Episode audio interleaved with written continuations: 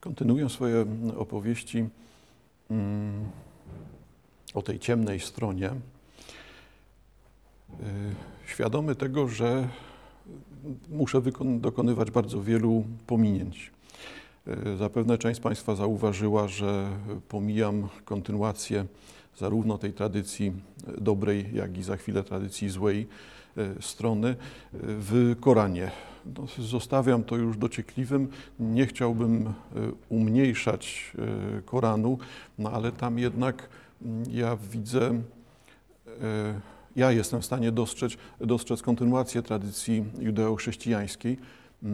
Natomiast poddaję się, no nie jestem w stanie prześledzić tego, co jest nowum w Koranie, czyli w jaki sposób Koran, który posługuje się, posługuje się, sięga zarówno do postaci aniołów, E, judeo-chrześcijańskich, e, jak i podejmuje uwagi o mm, personifikowanym, e, w personifikowanych postaciach zła, także z Biblii, no to nie potrafię odpowiedzieć, na ile jest to kontynuacja, a na ile jest to przekształcenie. No, bardzo chętnie albo kiedyś sam nad tym usiądę, no albo jednak najchętniej spotkam się E, z wyznawcami proroka i już źródłowo wolałbym to dogadać, bo wtedy też wiem, że ktoś będzie, mam nadzieję, że ktoś będzie odwoływał się do tekstów arabskich, a nie do tych takich tekstów, no cóż, popularnych. Stąd zastrzeżenia zostawiamy na boku, a dzisiaj myślałem od czego zacząć. No pewnie, że najprościej jest zacząć od szatana. Ech, no ale okazuje się, że żeby połapać się w przekształceniu samym, w przejściu od tej wyobraźni obecnej tradycji judaistycznej e, do wyobrażeń chrześcijańskich, trzeba jedną opowieść w dwóch wersjach na początku przedstawić. Jak już wspominałem marginalnie przy okazji aniołów, w obu tych tradycjach judaistycznej i chrześcijańskiej pojawia się Mm, ten pierwotny bunt przeciwko Bogu. Ten pierwotny, pierwszy, podstawowy bunt przeciwko Bogu, bunt, który doprowadził do podziału na zastępy anielskie i zastępy szatańskie. E, opowieść, którą znamy, no tylko skrótowo przypomina, bo nie chcę, to jest jakby ogólnie znane, tak?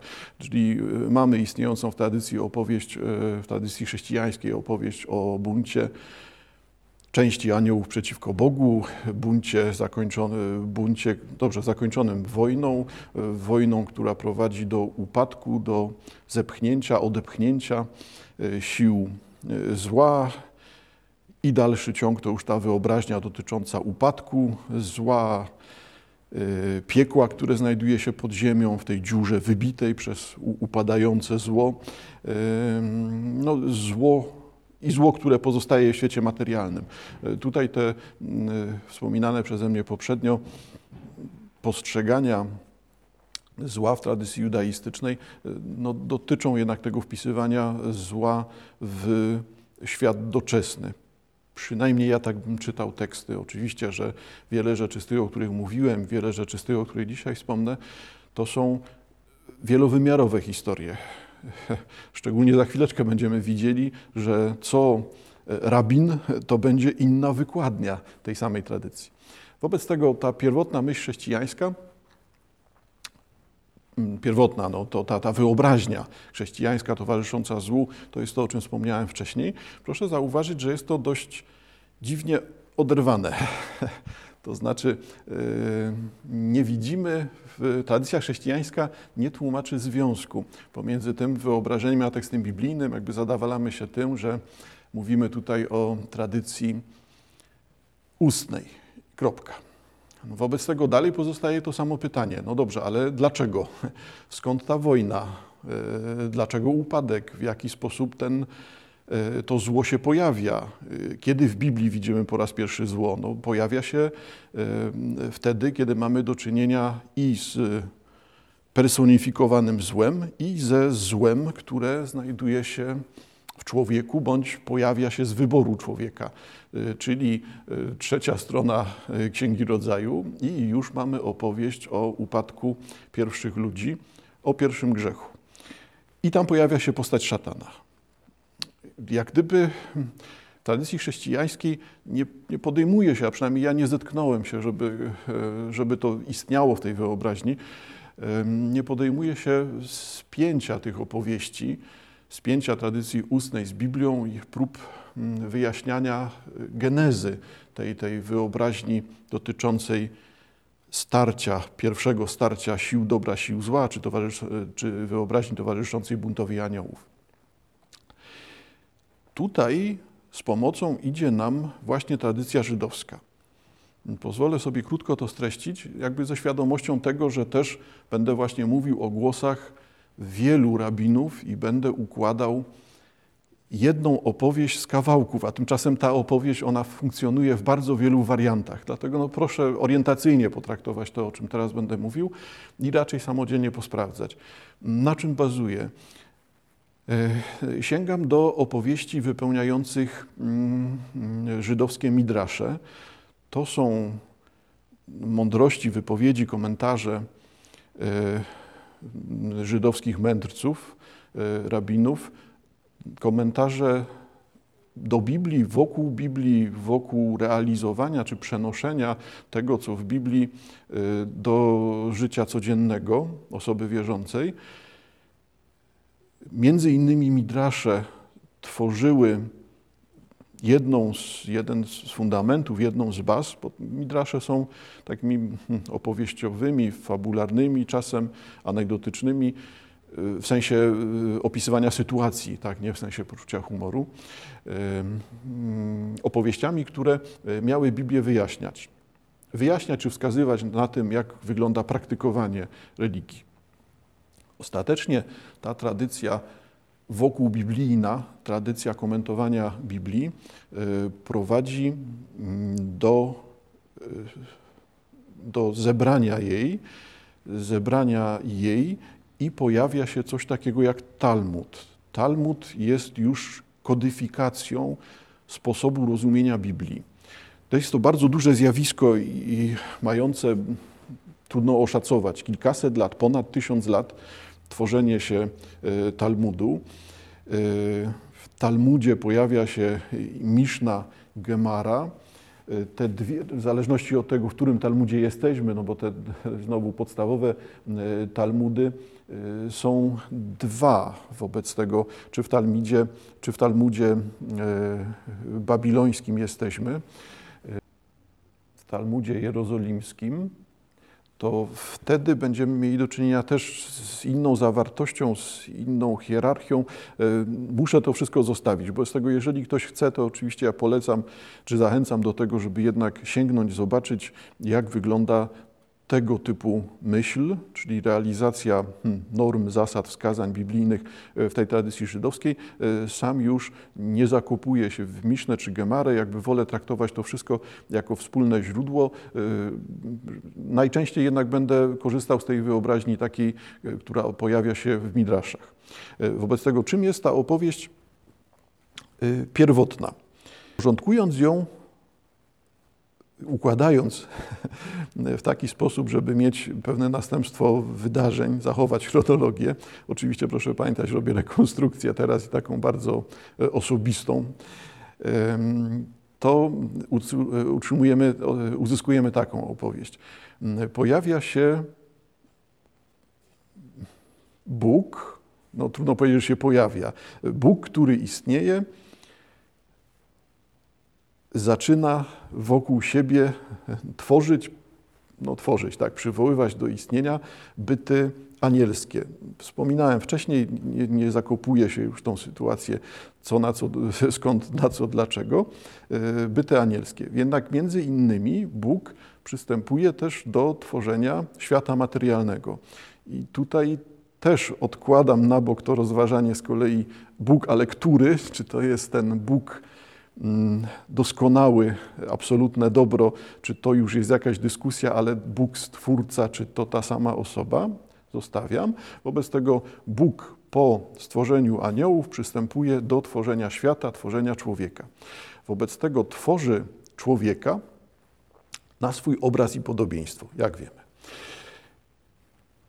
Ponieważ tworzy człowieka na swój na obraz i podobieństwo, to rozumiem, że z tego wynika to, że stworzony w ten sposób Adam jest prezentowany aniołom i Bóg wymaga od aniołów uznania tego, że mamy do czynienia z istotą na obraz i podobieństwo Boga. Wymaga hołdu od aniołów. I tu pojawia się bunt. Część aniołów nie chce uznać człowieka jako istoty bliskiej Bogu, czy bliższej Bogu, albo bliższej niż aniołowie. E, wobec tego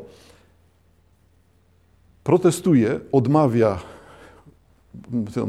obrazowo ujmując, klęknięcia przed Adamem i wtedy zaczyna się wojna, no bo odmowa wykonania polecenia Boga powoduje, że anioły się dzielą. Te, które uznają dzieło, dobre dzieło stworzenia Boga, proszę zauważyć, że tak to widzimy w Księdze Rodzaju, wszystko jest stworzone jako idealne, doskonałe, dobre, Ci, którzy, ci z istot anielskich, te z istot anielskich, które odmawiają złożenia pokłonu e, Adamowi, protestują, odwracają się od Boga i zaczyna się wojna tych, którzy są wierni Bogu, przeciwko tym, którzy odmawiają. Wojna zakończona upadkiem e, sił zła. Gdzie jesteśmy teraz? Okazuje się, że tutaj te opowieści zawarte w tradycji ustnej, około biblijnej, częściowo obecne w midraszach e, żydowskich, to są opowieści wskazujące na to, że Bóg tworzy człowieka, tak, ale no nie bądźmy tacy jednowymiarowi, że tu chodzi o stworzenie mężczyzny, tylko o stworzenie rzeczywiście człowieka, czyli w tym akcie stwórczym pierwotnym akcie stwórczym Boga, który tworzy człowieka z prochu, z gliny, z ziemi, e, wynikiem tego aktu stwórczego jest pojawienie się dwóch osób. Czyli pojawia się Adam i pojawia się pierwsza kobieta. I ta pierwsza kobieta rzeczywiście jest e, kimś pasjonującym w tych opowieściach. Proszę zauważyć, że to znowu zaczyna współgrać z jakimiś współczesnymi bardzo rozważaniami, ponieważ ten, ten pierwszy moment pojawienia się kobiety, mam tutaj na myśli postać Lilith, e, to stworzenie kogoś na całkowicie równych prawach. Nie ma różnicy pomiędzy Adamem i pierwszą kobietą, Lilith. Nie ma różnicy, bo tworzeni są oboje w taki sam sposób z tego samego materiału. I ten, w ten sam sposób Bóg ich jakby honoruje, ustawia, nadaje im te same przywileje. Czyli mamy do czynienia z, z y, tą pierwszą parą ludzką, ale pierwszą parą, w której nie określa się żadnych podrzędności, nie określa się żadnych hierarchii. To są dwie te same istoty, o tych samych prawach, możliwościach, tak samo funkcjonujące, tak samo odbierające świat. I tutaj znowu ta tradycja okołobiblijna e, żydowska wskazuje na to, że to jednocześnie jest powodem porażki tej, tego pierwszego związku. Bo w tradycji e, żydowskiej pojawia się opowieść o tym, że e, Lilith, mając pełne prawa i traktując siebie na równi z Adamem, potrafiła mm, czy chciała dążyć do tego, żeby panować na, na, na, równych prawach, tak, mieć tę samą, tą samą władzę, ten sam wpływ na świat jak Adam. I w ten sposób odwracała się od Adama, nie chciała z nim współpracować, no, uważając, że jest całkowicie samodzielna, niezależna, wolna. Jakoś to zaczyna rzeczywiście tak brzmieć, tak jakbym opowiadał o Y, współczesnym feminizmie. No, robię to z pełną obawą ze względu na to, że no, finał tego jest zły. To znaczy w tej opowieści pojawia się Lilith, która odrzuca Adama, woli związki poważniejsze, większe, opuszcza raj, czy zostaje wyrzucona z raju, znowu zależy od wersji opowieści, i wchodzi w związki z demonami. No i tu pojawia się część tradycji, od, e, część tradycji żydowskiej, która wskazuje na to, że Lilith od początku nie jest tworzona jako kobieta, tylko tworzona właśnie jako jeden z demonów, jako jedno z tych personifikowanych e, sił zła. Może być tak, może być tak, to jak mówię, naprawdę ta tradycja, streszczam coś, to ma tysiące lat i ma bardzo wiele postaci. E, wobec tego e, Lilith e, wybiera związki większe, ważniejsze jej zdaniem, pozostaje w związkach z demonami. Tutaj przez związki rozumiem wszelkiego rodzaju związki, również te, które służą do tego, że Lilith ma z tymi demonami mnóstwo dzieci i żyje poza rajem. I na chwilkę ją zostawmy i wróćmy do naszej głównej opowieści. No, czyli lądujemy w sytuacji takiej, w której Adam jest porzuconym mężczyzną, czy pozbawionym żony mężczyzną. Bo to znowu zależy to od tego, jaką przyjmiemy wersję.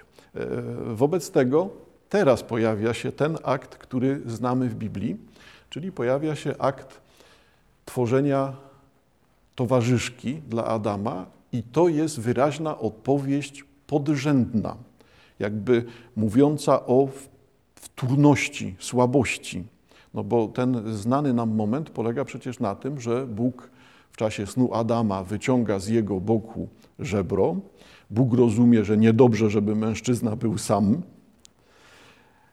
Tak to mamy w Biblii. I wtedy z tego żebra wyjętego z boku Adama tworzona jest Ewa. Proszę zauważyć, że następuje tutaj jednak bardzo wyraźne określenie dwóch genes. Czyli mamy mężczyznę, który tworzony jest jako istota przynależna do świata ziemskiego, istota obdarzona tym tchnieniem Bożym, Duchem Bożym, no bo w ten sposób Bóg tworzy Adama, e, ale, e, ale to dotyczy właśnie stworzenia Adama, ponieważ stworzenie Ewy jest już stworzeniem ze stworzenia. Jakby wyciąga część Adama i na bazie tej części, tej materialnego kawałka e, ciała Adama tworzy istotę kobiety. Wobec tego w inny sposób niż pierwotnie tworzył. Jak to wygląda w tej tradycji, w tej tradycji, do której bardzo chętnie bym sięgnął, czyli proszę zauważyć, jak to wygląda w Starym Testamencie. Skąd się w ogóle bierze ta dyskusja? No, po pierwsze wyjaśnijmy sobie od razu, że Lilith pojawia się jako postać przywołana z imienia i niezbyt wiemy, czy to jest dokładnie ta postać, ale to imię pojawia się w Biblii tylko w jednym miejscu. Pojawia się w księdze Izajasza, rozdział 34, wers 14, dla tych, którzy chcą sprawdzić. Rzeczywiście takich rzeczy, pojedynczych wystąpień w Biblii jest trochę, tam chyba w okolicach setki, z tego co pamiętam, jak czytałem w innych książkach, takie właśnie pojedyncze ujawnienia się czegoś coś, co istnieje tylko w jednym miejscu Biblii, najwyraźniej nie wymaga e, komentarza, nie wymaga wyjaśnień, bo należy do tej tradycji, która jest rozpoznawalna, tradycji oku biblijnej. E, tak samo jest z Lilit, czyli Lilit mamy w księdze Izajasza. E, skąd bierze się ta dyskusja, którą przed chwilą streściłem? No, bierze się z uwagi części rabinów i znowu myślimy, czy one są zasadne i na ile te wykładnie są no, możliwe do akceptacji. No, proszę spojrzeć, mamy dwa fragmenty Księgi Rodzaju, czyli w Księdze Rodzaju, rozdział 1, wers 27, czytamy: Stworzył więc Bóg człowieka na swój obraz, na obraz Boży go stworzył, stworzył mężczyznę i niewiastę. I to jest jeden moment, a przechodzimy trochę dalej, rozdział 2, wers 22 i czytamy: po czym Pan Bóg z żebra, które wyjął z mężczyzny, zbudował niewiastę. A gdy ją przyprowadził do mężczyzny, mężczyzna powiedział: Ta dopiero jest kością z moich kości i ciałem z mego ciała. Ta będzie się zwała niewiastą, bo ta z mężczyzny została wzięta.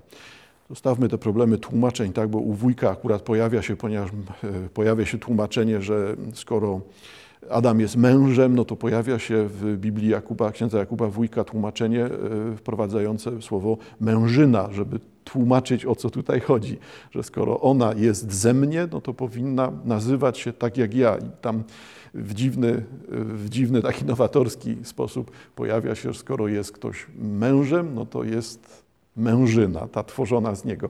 W tych postaciach, których czytamy tutaj, już ten związek nie jest taki czytelny. Czyli ta będzie zwała się niewiastą, bo ta z mężczyzny została wzięta. I teraz o co tutaj chodzi? E, część tradycji judaistycznej zwraca uwagę na to, że te momenty pokazują dwa, dwa, dwie, dwa akty kreacji. Czyli za pierwszym razem pojawia się tworzenie człowieka, mężczyzny i niewiasty razem, w jednolity sposób i to jest ta część mojej historii, którą, znaczy mojej przywoływanej przeze mnie, czy rekonstruowanej przeze mnie historii, e, która wprowadza postać Adama, postać Lilit.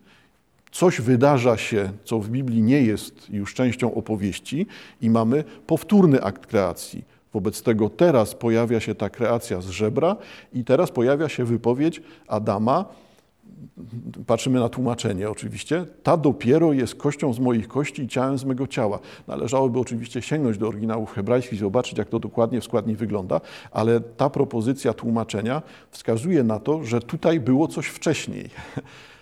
Ta jest częścią mnie, wobec tego ta dopiero jest częścią mnie. No to z tej konstrukcji, z tego tłumaczenia wynika, że coś tu dzieje się pomiędzy, że jest to drugie podejście właśnie.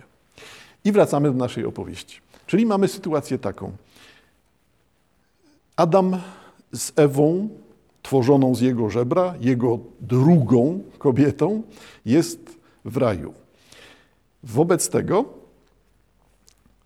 rozumiecie Państwo, jak będzie dalej wyglądała ta opowieść. Wobec tego część e, tradycji żydowskiej wskazuje na to, że Lilit powraca do raju w bardzo prostym celu wykonania zemsty.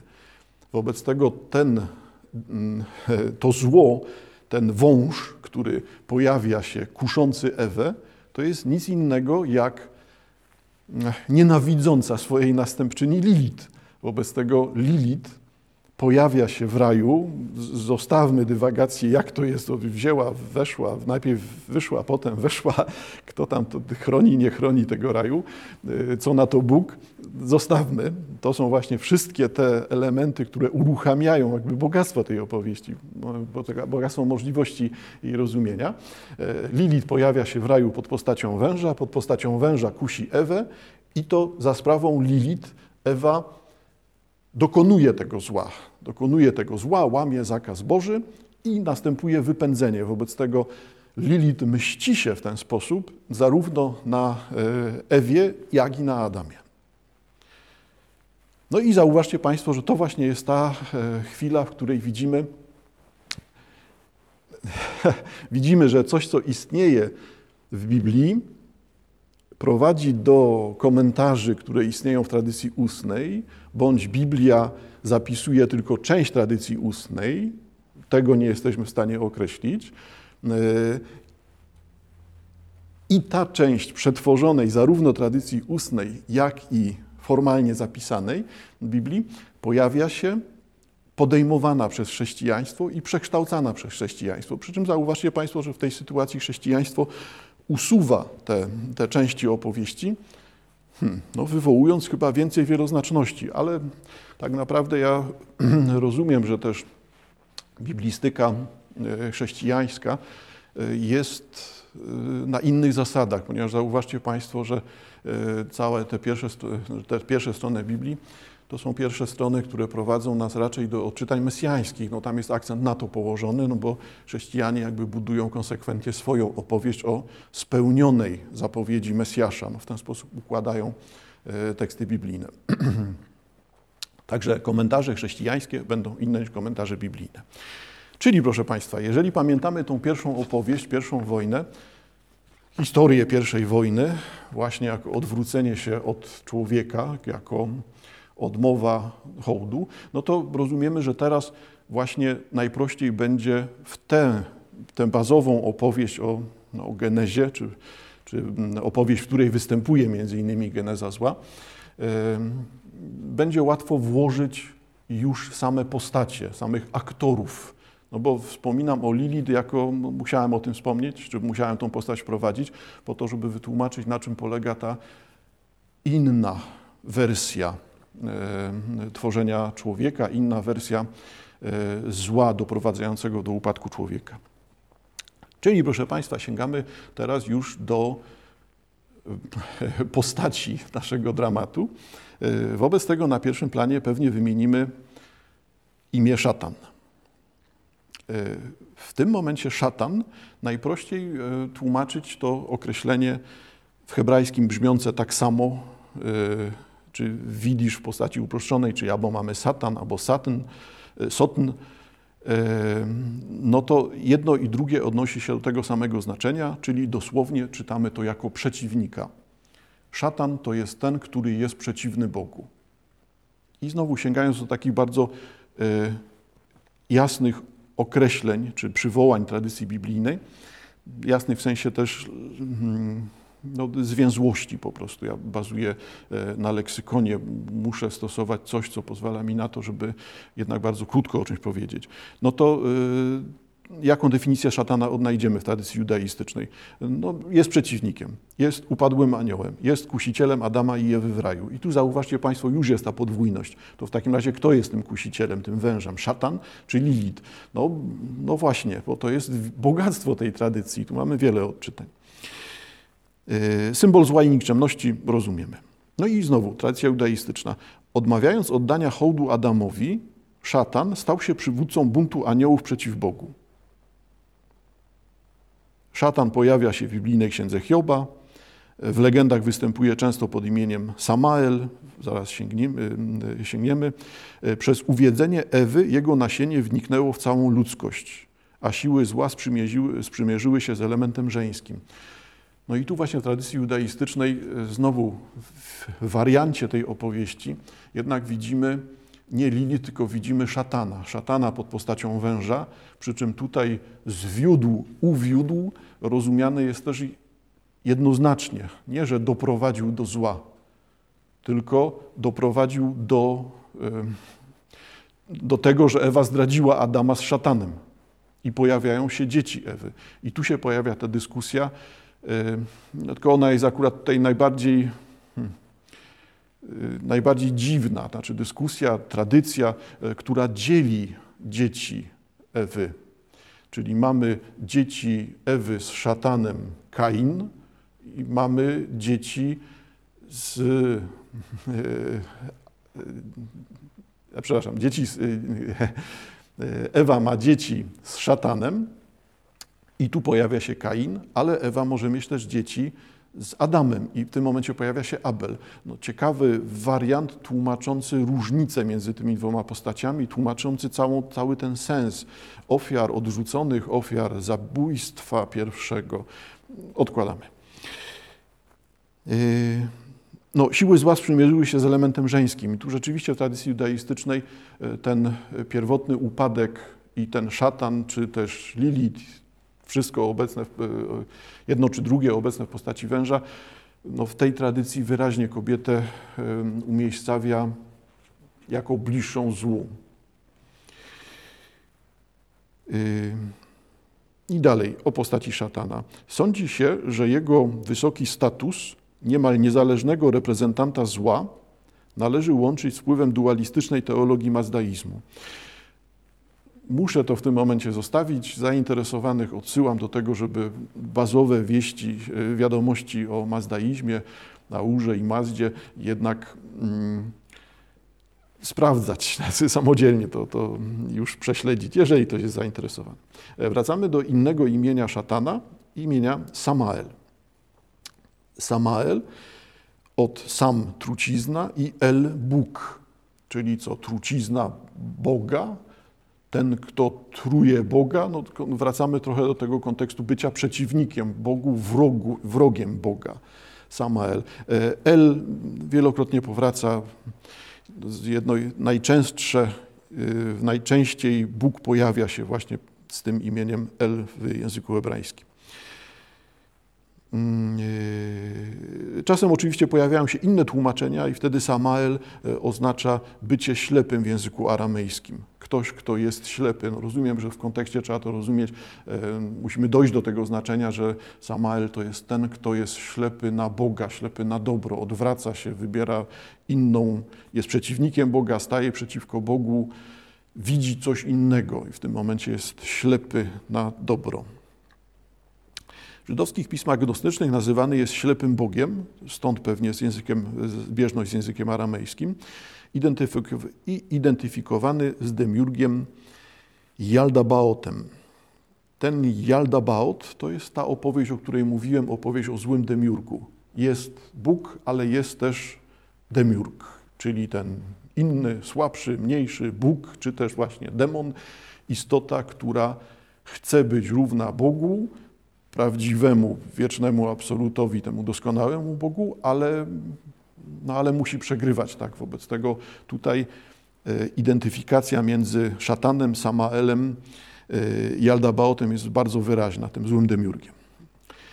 E, imię Samaela pojawia się w księdze Henocha w liście aniołów zmutowanych przeciwko Bogu. Znowu odsyłam.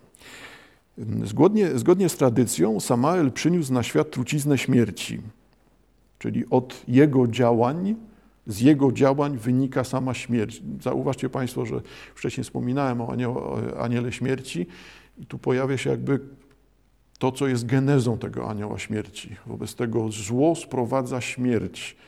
Szatan, Samael, zło rozpoczyna istnienie śmierci ma być też w tej tradycji judaistycznej jednym z aniołów sądu. Wtedy, kiedy pojawi się już ostateczny koniec świata, pojawi się zamknięcie dziejów naszej rzeczywistości, naszego wszechświata, e, to wtedy szatan Samael e, będzie boskim oskarżycielem.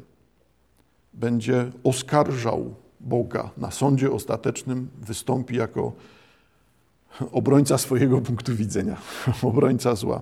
E, w drugiej roli, natomiast obrońcy Boga, będziemy widzieli e, świętego Michała Archanioła, czy Michaela. No, tutaj zauważcie Państwo, to jest taka wyraźna wyobraźnia, że mamy e, anioła, wśród aniołów sądu będą zarówno aniołowie dobra i zła. No i co? No i efektem tego sądu ostatecznego, również części opowieści, ma być to, że no, dobro zwycięży, ale dobro zwycięży nie unicestwiając szatana Samaela, tylko wynikiem sądu ostatecznego będzie porażka Samaela. Porażka w sensie etycznym, czyli nastąpi jednym z ostatnich etapów istnienia świata, istnienia naszego wszechświata, naszej rzeczywistości, będzie nawrócenie zła, czyli Samael ostatecznie e, ukorzy się przed Bogiem, będzie żałował za swoje winy, zyska wybaczenie i ostatecznym losem Samaela jest przejście na stronę świętości. Hmm? Wtedy ten wspominany przeze mnie poprzednio świat, ta zła strona świata, e, Sitra Achra, będzie unicestwiona, pozostanie już tylko ta dobra strona świata. Mm, wtedy będzie istniał y, świat bez skazy, czy powróci do tego stanu istnienia bez skazy. Hmm. Y, na czym polega taka charakterystyczna wykładnia y, imienia Samael? Hmm.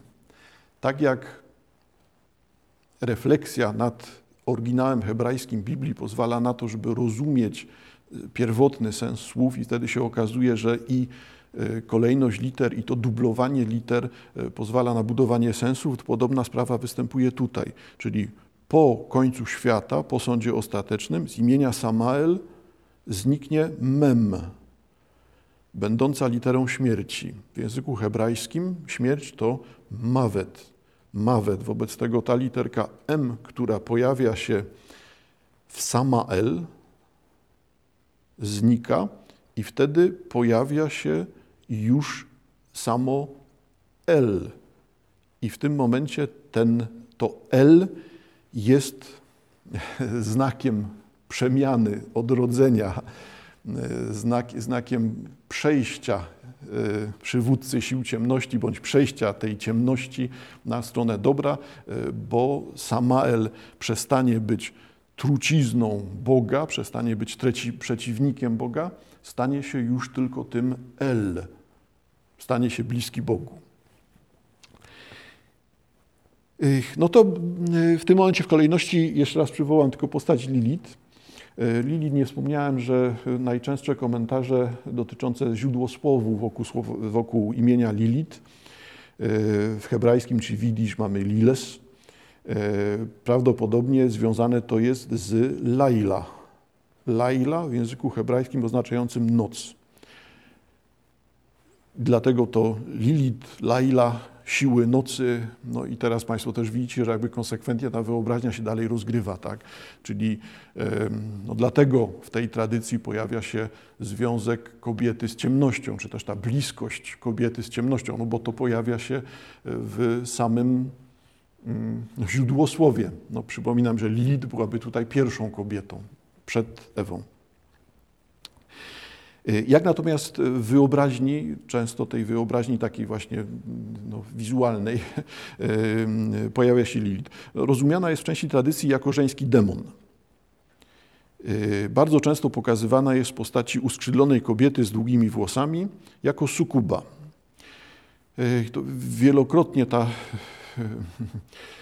Taka wyobraźnia pojawia się, to przejęta z judaizmu, ale pojawia się także w chrześcijaństwie, w tradycji ludowej. Zostawiamy już na boku, też to trzeba ewentualnie samodzielnie sprawdzać. E, Jakie jest działalność, jaka jest działalność tak rozumianej Lilith jako demona? E, ma uwodzić nocą samotnych mężczyzn i płodzić z nimi zastępy demonów. No i teraz w tej tradycji Lilith jest partnerką Samaela, władcy sił zła. I dlatego Lilith jest po hmm, zerwaniu związku z Adamem, tak, w tych opowieściach, staje się siłą towarzyszącą złu, wsparciem dla Samaela, Samaela, szatana, przywódcy zła. W świecie destrukcji pełni analogiczną rolę jak Szechina w świecie dobra jest antytezą Szechiny, e, antytezą tej iskry absolutnego dobra, która wypełnia, wypełnia, która pojawia się, istnieje, ukryta w świecie materii. Szechina jest tym ukrytym dobrem. Oczywiście Szechina jest także personifikowana e, w tradycji żydowskiej, staje się kobietą dobrem, tą iskrą E, no znowu jednak tak muszę wskazać, no zauważcie Państwo, że to właśnie jest część wypowiedzi, w, e, część rozważań, uwag pojawiających się w księgach Jakubowych. Znowu już wspominałem o tym wcześniej, to Karczuk. E, w Zocharze inna część tradycji judaistycznej, kojarzona z Saturnem, z melancholią. W literaturze midraszowej występuje jako pierwsza kobieta Adama. Jedna z legend wydaje się być metaforą niepowodzenia boskiej koncepcji kobiety jako równorzędnej partnerki pierwszego mężczyzny. I to jest to, o czym wspominałem. Lilith miała być równorzędna wobec Adama, a okazuje się, że no, część tradycji tutaj dodaje, że ma w czasie jednego z, ze sporów y, z Adamem y, użyć imienia Boga, czy przywołać imię Boga i za sprawą tego nieodpowiedniego, nieodpowiedzialnego użycia, przywołania Boga w dyskusji z Adamem, e, ma się unieść w powietrze, przenieść na pustynię i tam żyć samotnie jako demon. Jak widać, proszę pamiętać, że to są te wielokrotności opowieści, to są wszystkie warianty, które tu się pojawiają. E, co dalej w tradycji żydowskiej? Jeszcze tylko na trzy imiona zwróciłbym uwagę, bardzo wyraźne. E, w tradycji żydowskiej tego personifikowanego, wyobrażonego zła, zła istniejącego jako osoby z imionami, pojawia się Belial. Belial. I Belial w hebrajskim rdzeniu, bezpośrednio w tym, e, w tym wyrazie, znaczenie, które tu widzimy bezpośrednio, jest znaczeniem e, zaprzeczenia negacji. Czyli Belial, ten, kto jest przeciw. Zauważcie Państwo, że bardzo podobnie e, pojawiło to się przed chwilą w kontekście imienia szatana. Szatan jest przeciwnikiem Boga. Samael jest trucizną Bogu, przeciwnikiem Boga jeszcze raz. No i teraz mamy jeszcze raz Belial, przeciwnik Boga. Teraz zauważcie Państwo, że pytanie takie zasadnicze byłoby takie, czy to są trzy różne postacie. Już doszliśmy do tego, że szatan i Samael to chyba jest jedna postać, ale może nie. No i w takim razie tutaj mamy to samo. Czy szatan, Samael, Belial to są odrębne postacie, czy to jest ten sam, to samo imię, ta sama siła. No, wiemy, że to są te same siły zła, tylko właśnie funkcjonują różnie w wyobraźni. No, podobnie jak z tymi aniołami, to jest jedno dobro, tylko to dobro przejawia się, jest emanacją, ujawnianiem się Boga w takich różnych postaciach. No to podobnie mielibyśmy i tutaj. To jest jedno zło, ale z wieloma twarzami. W Biblii hebrajskiej Belial e, pojawia się jako bezosobowe określenie przeciwieństwa ładu moralnego i religijnego, czyli Belial chaos. Zostawiam tą uwagę. W międzytestamentowej literaturze apokaliptycznej pojawia się jako imię własne oznaczające anioła ciemności szatana. No więc mamy tą tradycję Belial, jeden z wariantów imienia szatan.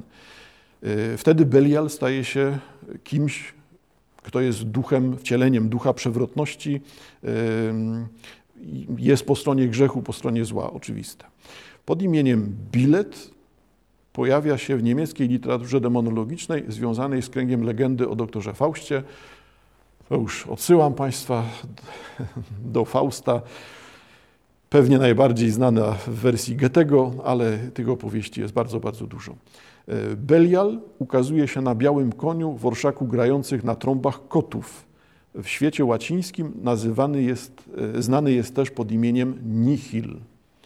I teraz Państwo zauważcie, znowu mamy ciekawą sprawę dotyczącą awersji, czy też serdecznej nienawiści, mówiąc wprost, e, części współczesnych ludzi, którzy no, reagują bardzo gwałtownie e, na słowo nihilizm no, i też tego słowa nihilizm używają w tym brzmieniu, które jak widać jest najbardziej tradycyjne, bo skoro nihil jest wariantem, czyli tłumaczeniem imienia Belial, no to w takim razie kim jest nihilista? Nihilista współcześnie jest wyznawcą Beliala i nagle ta opowieść zaczyna być bardzo prosta. No, wszyscy nihiliści to są wyznawcy szatana. Ech, ta uniwersalność pewnych mm, skojarzeń no, jest czymś, czego jednak należałoby unikać, bo, to, bo mi się to z tym kojarzy, taka, taka uwaga, no to jak widać do niczego nie służy. Wobec tego jednak nie kombinujmy w taki sposób i nie widzimy, staram się przekonać Państwa, żeby nie widzieć w nihilistach czyli ludzie, którzy jednak odrzucają e, system, ład, porządek, normy, normy moralne czy prawne istniejącego na świata, w tych anarchistach współczesnych, żeby nie widać, nie widzieć w nich wyznawców szatana, no bo to naprawdę jest nadużycie, krótko mówiąc. E, kolejny po Belialu z takich bardzo wyraźnych reprezentantów mm, judaistycznej tradycji, czy judaistycznej wyobraźni będzie Belzebub. Belzebub. Belzebub w języku hebrajskim Bal Zewów. Bal Zewów. I ten Bal rozumiany jest jako Pan Zewów Much. I w tym momencie mamy władcę much. No to już się Państwu na pewno kojarzy, Golding i tak dalej. Jeżeli chcecie, to są Dobrze, tym, którym się nie kojarzy, przypominam, że jest powieść Goldinga e, Władca Much, będąca najwyraźniej komentarzem, komentarzem czy też no, dziwną opowieścią o ujawnianiu się zła, no bo o tym jest e, powieść Belzebub. Ach, o tym jest powieść Władca Much, czyli Belzebub. E, ale w języku hebrajskim jest możliwe także tłumaczenie Balzebu, i to tłumaczenie wskazuje, że jest to Pan, czy też ta osoba władająca, w tym sensie Pan, Pan, czyli władca podziemi. E, jeżeli sięgniemy do języka kananejskiego, no to Balzebul będziemy czytali czy rozumieli jako władca wywyższony, władca ponad innymi władcami. Najbliżej mielibyśmy do księcia w takim próbie zrozumienia znaczenia. Wobec tego mamy władcę much, władcę podziemi i mamy księcia. Wszystko to zawarte jest imieniu, w tym imieniu Belzebub. Geneza Belzebuba, Bóg kananejski, opiekun filistyńskiego miasta Ekron. W tej roli pojawia się w Biblii, w drugiej Księdze Królewskiej. W Nowym Testamencie Belzebub jest demonem, władcą złych duchów. Znowu raj utracony Miltona jest jednym z władców piekła, drugim po szatanie. Na ile Belzebub jest balem, tym balem e, pierwotnym, jedna z, jeden z najstarszych, mm, jedna z religii, która w Biblii pojawia się najwcześniej jako przeciwna judaizmowi, e, jest właśnie tą, tym zapisem kultu Złotego Cielca. I ten kult Złotego Cielca, zauważcie Państwo, tu się już też pojawiał, tak, na ile szatan żąda tego kultu Złotego Cielca, na ile on go tworzy, a na ile ta opowieść o, tym, o tych hołdach Mm, Żydów odwracających się od Boga, hołdów składanych Złotemu Cielcowi, jest właśnie opowieścią o balu, składaniem hołdów balowi. No to w takim razie w tej opowieści e, Belzebub byłby dziełem szatana, byłby tą istotą, którą albo szatan tworzy, albo tą istotą, częścią zła, którą szatan wysyła, żeby była tym złotym cielcem, żeby była e, balem. I wtedy mamy przywołanie właśnie tej tradycji Bal jako imię Boga, jednego z bogów uważanych za bogów zła. I Belzebub. Jak widać w tradycji judaistycznej, pierwsza osoba po szatanie. Mamy szatana, mamy Samaela i pojawia się Balzewów, Belzebub. Y, I na koniec wspomnę y, Azazel. Też to oczywiście nie wyczerpuje y, tradycji żydowskiej, tej, tej listy demonów. Jest ich o wiele więcej pojawiają się bardzo specjalistyczne demony, ujawniające się tylko w niektórych sytuacjach, tylko albo w pojedynczych opowieściach się ujawniające. Sięgam tylko do tych rozpoznawalnych, obecnych szerzej. Czyli Azazel. E, Azazel w języku hebrajskim e, słowo oznaczające tego, który się oddalił albo został oddalony, odłączony, wyrzucony. Rozumiemy, że sens jest bardzo podobny. Przeciwnik, trucizna, ten, który jest odrzucony, Azazel.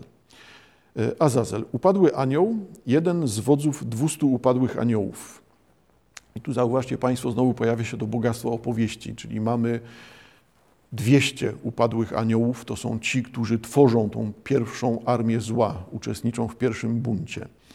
Jeden z wodzów 200 upadłych aniołów, demon pustyni, władca piekła o siedmiu wężowych głowach. I tu mówimy znowu o tej wyobraźni, jak wygląda. O Belzebub dla nas rzeczywiście, zauważcie Państwo, bardzo często to jest ten, y, no, wizualnie w tradycji już sięgam do chrześcijańskiej, y, wizualizujemy Belzebuba jako tego diabła no, opasłego, ciężkiego, leniwego, zajmującego się głównie e, siedzeniem i tego diabła właśnie, który zajmuje się głównie opędzaniem od much.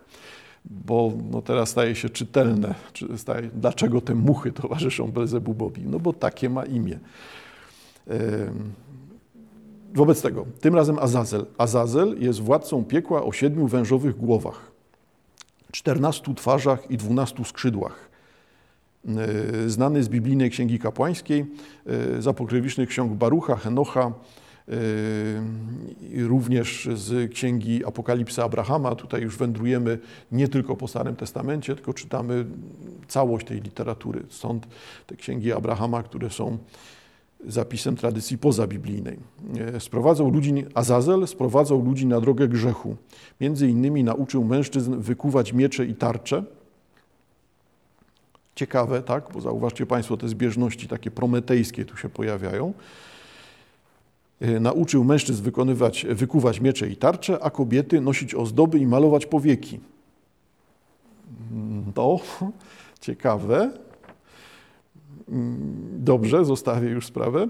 E, był krnąbrny. Nie chciał się pokłonić Adamowi, już o tym wspominaliśmy, co to za opowieść, kiedy Bóg przedstawił swoje dzieło hierarchom niebiańskim bo należał do tej grupy zbuntowanych aniołów. Księga Zochar, już wspominaliśmy, też muszę tą księgę blasku zostawić. Tak? Jeżeli ktoś jest zainteresowany, proszę sprawdzić. Księga blasku, Zochar, mistyczne teksty judaistyczne, bardzo ważne, bardzo cenne. E, księga Zochar wspomina, że wraz z innym upadłym aniołem, e, Szemhamzajem, Azazel został uwiedzony przez trzy demony żeńskie, Namę, Agrat i Lilit.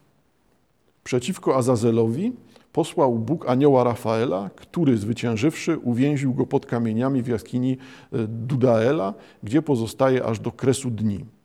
Czyli Rafael niszczy Azazela, pokonuje, więzi go do czasów ostatecznych, do czasów tego ostatecznego sądu, ostatecznego rozstrzygnięcia dziejów świata. E, dlaczego Azazel pojawia się tak wyraźnie w tradycji judaistycznej? E, dlatego, że należy też do obrzędowości do tradycyjnej obrzędowości żydowskiej. Według tradycji biblijnej Aaron, brat Mojżesza, wybrał kozła na ofiarę przebłagalną, a następnie obarczywszy go grzechami Izraela, wypędził na pustynię do Azazela. I to jest gest, który jest powtarzany. Przepraszam, nie jestem e, Y, badaczem religii żydowskiej współczesnej. Widziałem te zapisy wielokrotnie, więc myślę jednak, że ten obrzęd jest, jest kontynuowany, ale jeżeli nie, no to przepraszam, to jak mówię, Staram się rozumieć, czytam, ale nie jestem w stanie wszystkiego weryfikować. Wobec tego od tej pory, od tego pierwszego gestu włożenia grzechów w kozła, kozła, którego wypędza się, żeby dołączył do Azazela, dołączył do tych sił zła, to jest to rodzaj ofiary przebłagalnej, rodzaj uwolnienia się od zła, no to w tradycji judaistycznej od tej pory, od tego gestu Arona, e, od tej pory co roku w dniu święta Jom Kippur strącano ze skały pustyni, na pustyni judzkiej kozła ofiarnego dla Azazela. Ja zetknąłem się z tym, że raczej wypędzano, no ale tutaj pojawia się ta uwaga o strącaniu, o śmierci, czyli te grzechy, zło narodu wybranego są corocznie jakby wkładane, umieszczane w tym koźle, koźle, który następnie jest wypędzany, czy też właśnie zabijany e, po to, żeby to zło dołączyło do całego zła, do tej złej części świata, złej strony świata, e, a odeszło od tych, którzy wybierają dobro. Y, z uczuciem niedosytu przerwę, bo i tak zdaję sobie sprawę z tego, że te opowieści dzisiejsze są bardzo długie. Y, zachęcam do tego, żeby samemu sprawdzać, samemu czytać. Y, troszkę źródłowych materiałów umieszczę w opisie tego odcinka. Mogą być one punktem wyjścia do samodzielnych poszukiwań. Dziękuję bardzo. Do usłyszenia.